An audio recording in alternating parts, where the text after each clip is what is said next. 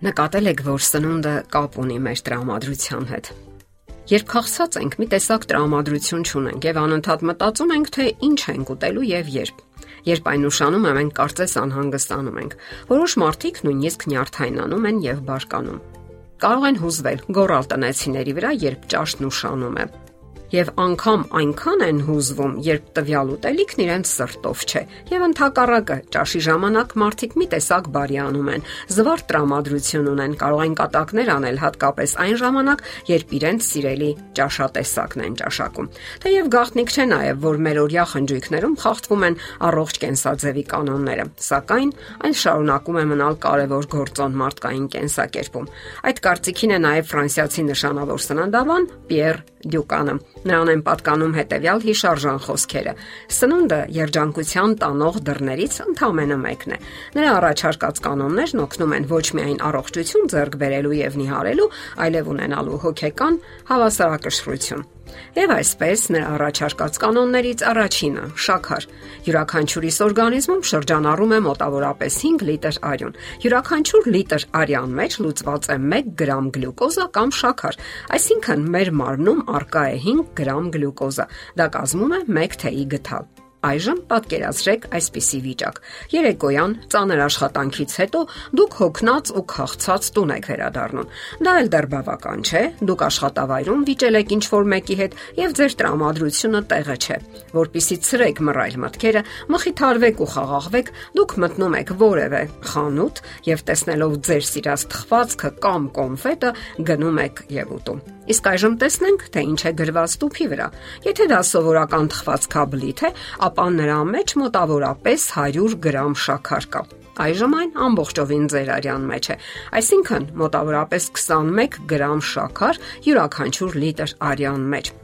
ցանկացած բժիշկ ձեզ կասի, որ նման քանակի շաքարը արյան մեջ անհամատեղելի է կյանքի հետ։ 20 րոպե հետո ձեզ մոտ դիաբետիկ կոմա կսկսվի եւ դուք կմահանաք։ Սակայն դուք չգիտես ինչու չեք մահանում։ Ինչու՞ ձեզ փրկում է մի փոքրիկ օրգան՝ ենթաստամոքսային գեղձը։ Նա արտադրում է ինսուլին հորմոնը, որը հարձակվում է շաքարի վրա եւ ստիպում նրան հեռանալ ձեր արյան կազմից։ Իսկ ուր է անհետանում շաքարը։ Նրա առջև 3 դուռ կա եւ նա հերթով բախում է այդ դռները։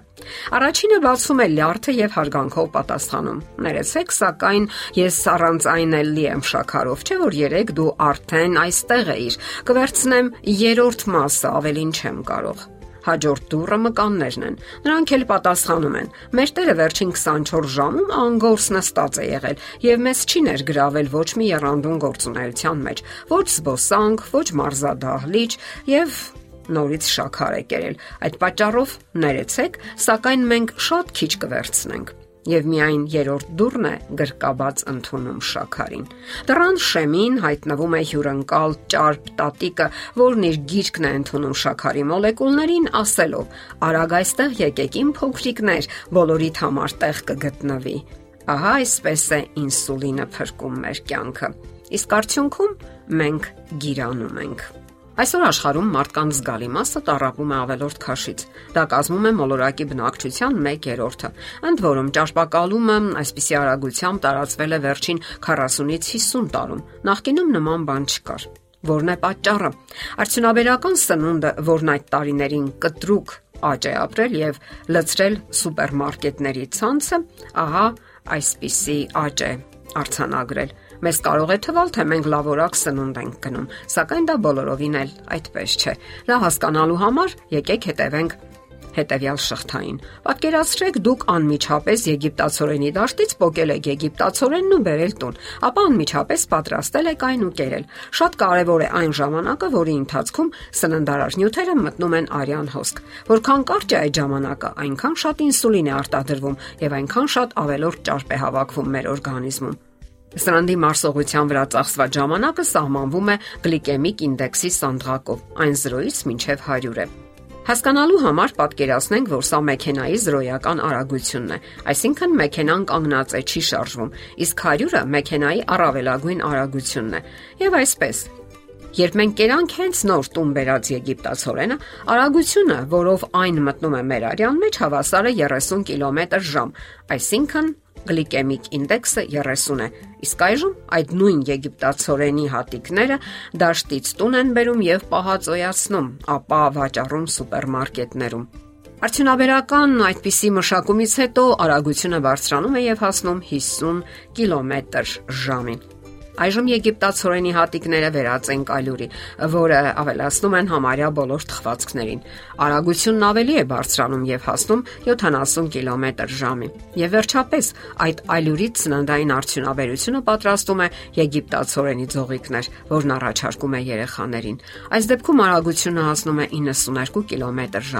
այսինքն սա արդեն առավելագույն գլիկեմիկ ինդեքսն է։ Մենք 30-ից հասանք 92։ Այսպիսով ամեն անգամ օգտագործելով արդյունաբերական սնունդ, մենք ավելի ու ավելի ենք գիրանում։ Իսկ արդյունաբերողները բնականաբար ավելի ու ավելի են հարստանում, քանի որ յուրաքանչյուր նոր փուլ հնարավորություն է տալիս նրան մի քանի անգամ բարձրացնել գինը։ Դե ի՞նչ, եկեք մտածենք նաև այս բոլորի մասին եւ լինենք մեր առողջության տերը։ Իսկ սննդի եւ տրամադրության կապի վերաբերյալ մեր մտքերը կշարունակենք հաջորդ հաղորդման ժամանակ։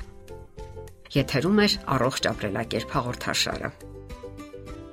Հարցերի եւ առաջարկությունների համար զանգահարել 033 87 87 87 հեռախոսահամարով։